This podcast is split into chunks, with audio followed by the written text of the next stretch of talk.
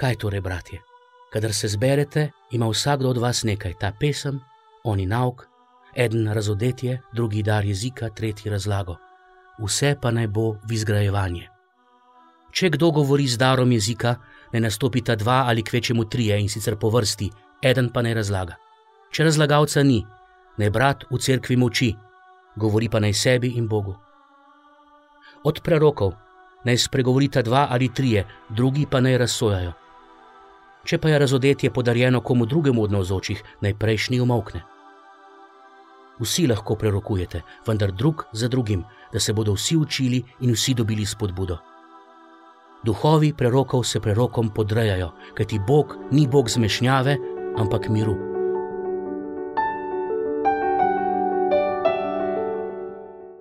Večkrat se sprašujemo, kako zgraditi lepo in pristno občestvo.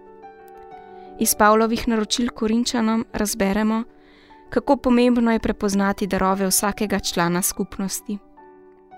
Vsak je pri krstu prejel darove duha. V poslušnosti svetemu duhu se skupnost izgrajuje in krepi bratske vezi. To ji daje tudi moč in pogum za oznanjevanje vesele novice odrešenja. Seveda se ob tem sprašujemo, kako začeti doma v svojem občestvu. Kaj storiti, da bi darovi, ki jih je vsak prejel, služili poslanstvu cerkve? Najprej se Gospodu zahvali za darove, ki ti jih je podaril, da z njimi služiš skupnosti.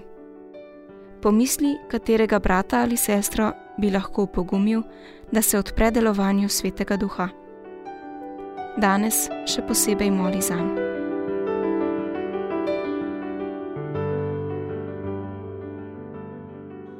Kaj torej, bratje? Kadar se zberete, ima vsakdo od vas nekaj, ta pesem, oni nauk, eden razodetje, drugi dar jezika, tretji razlago. Vse pa naj bo v izgrajevanje. Če kdo govori z darom jezika, ne nastopita dva ali kvečemu trije in sicer po vrsti, eden pa naj razlaga. Če razlagalca ni, ne brat v cerkvi moči, govori pa naj sebi in Bogu. Od prerokov naj spregovorita dva ali trije, drugi pa naj razsojajo. Če pa je razodetje podarjeno komu drugemu od navzočih, naj prejšnji umokne.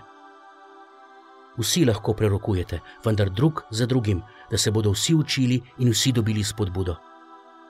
Duhovi prerokov se prerokom podrejajo, kajti Bog ni Bog zmešnjave, ampak miru.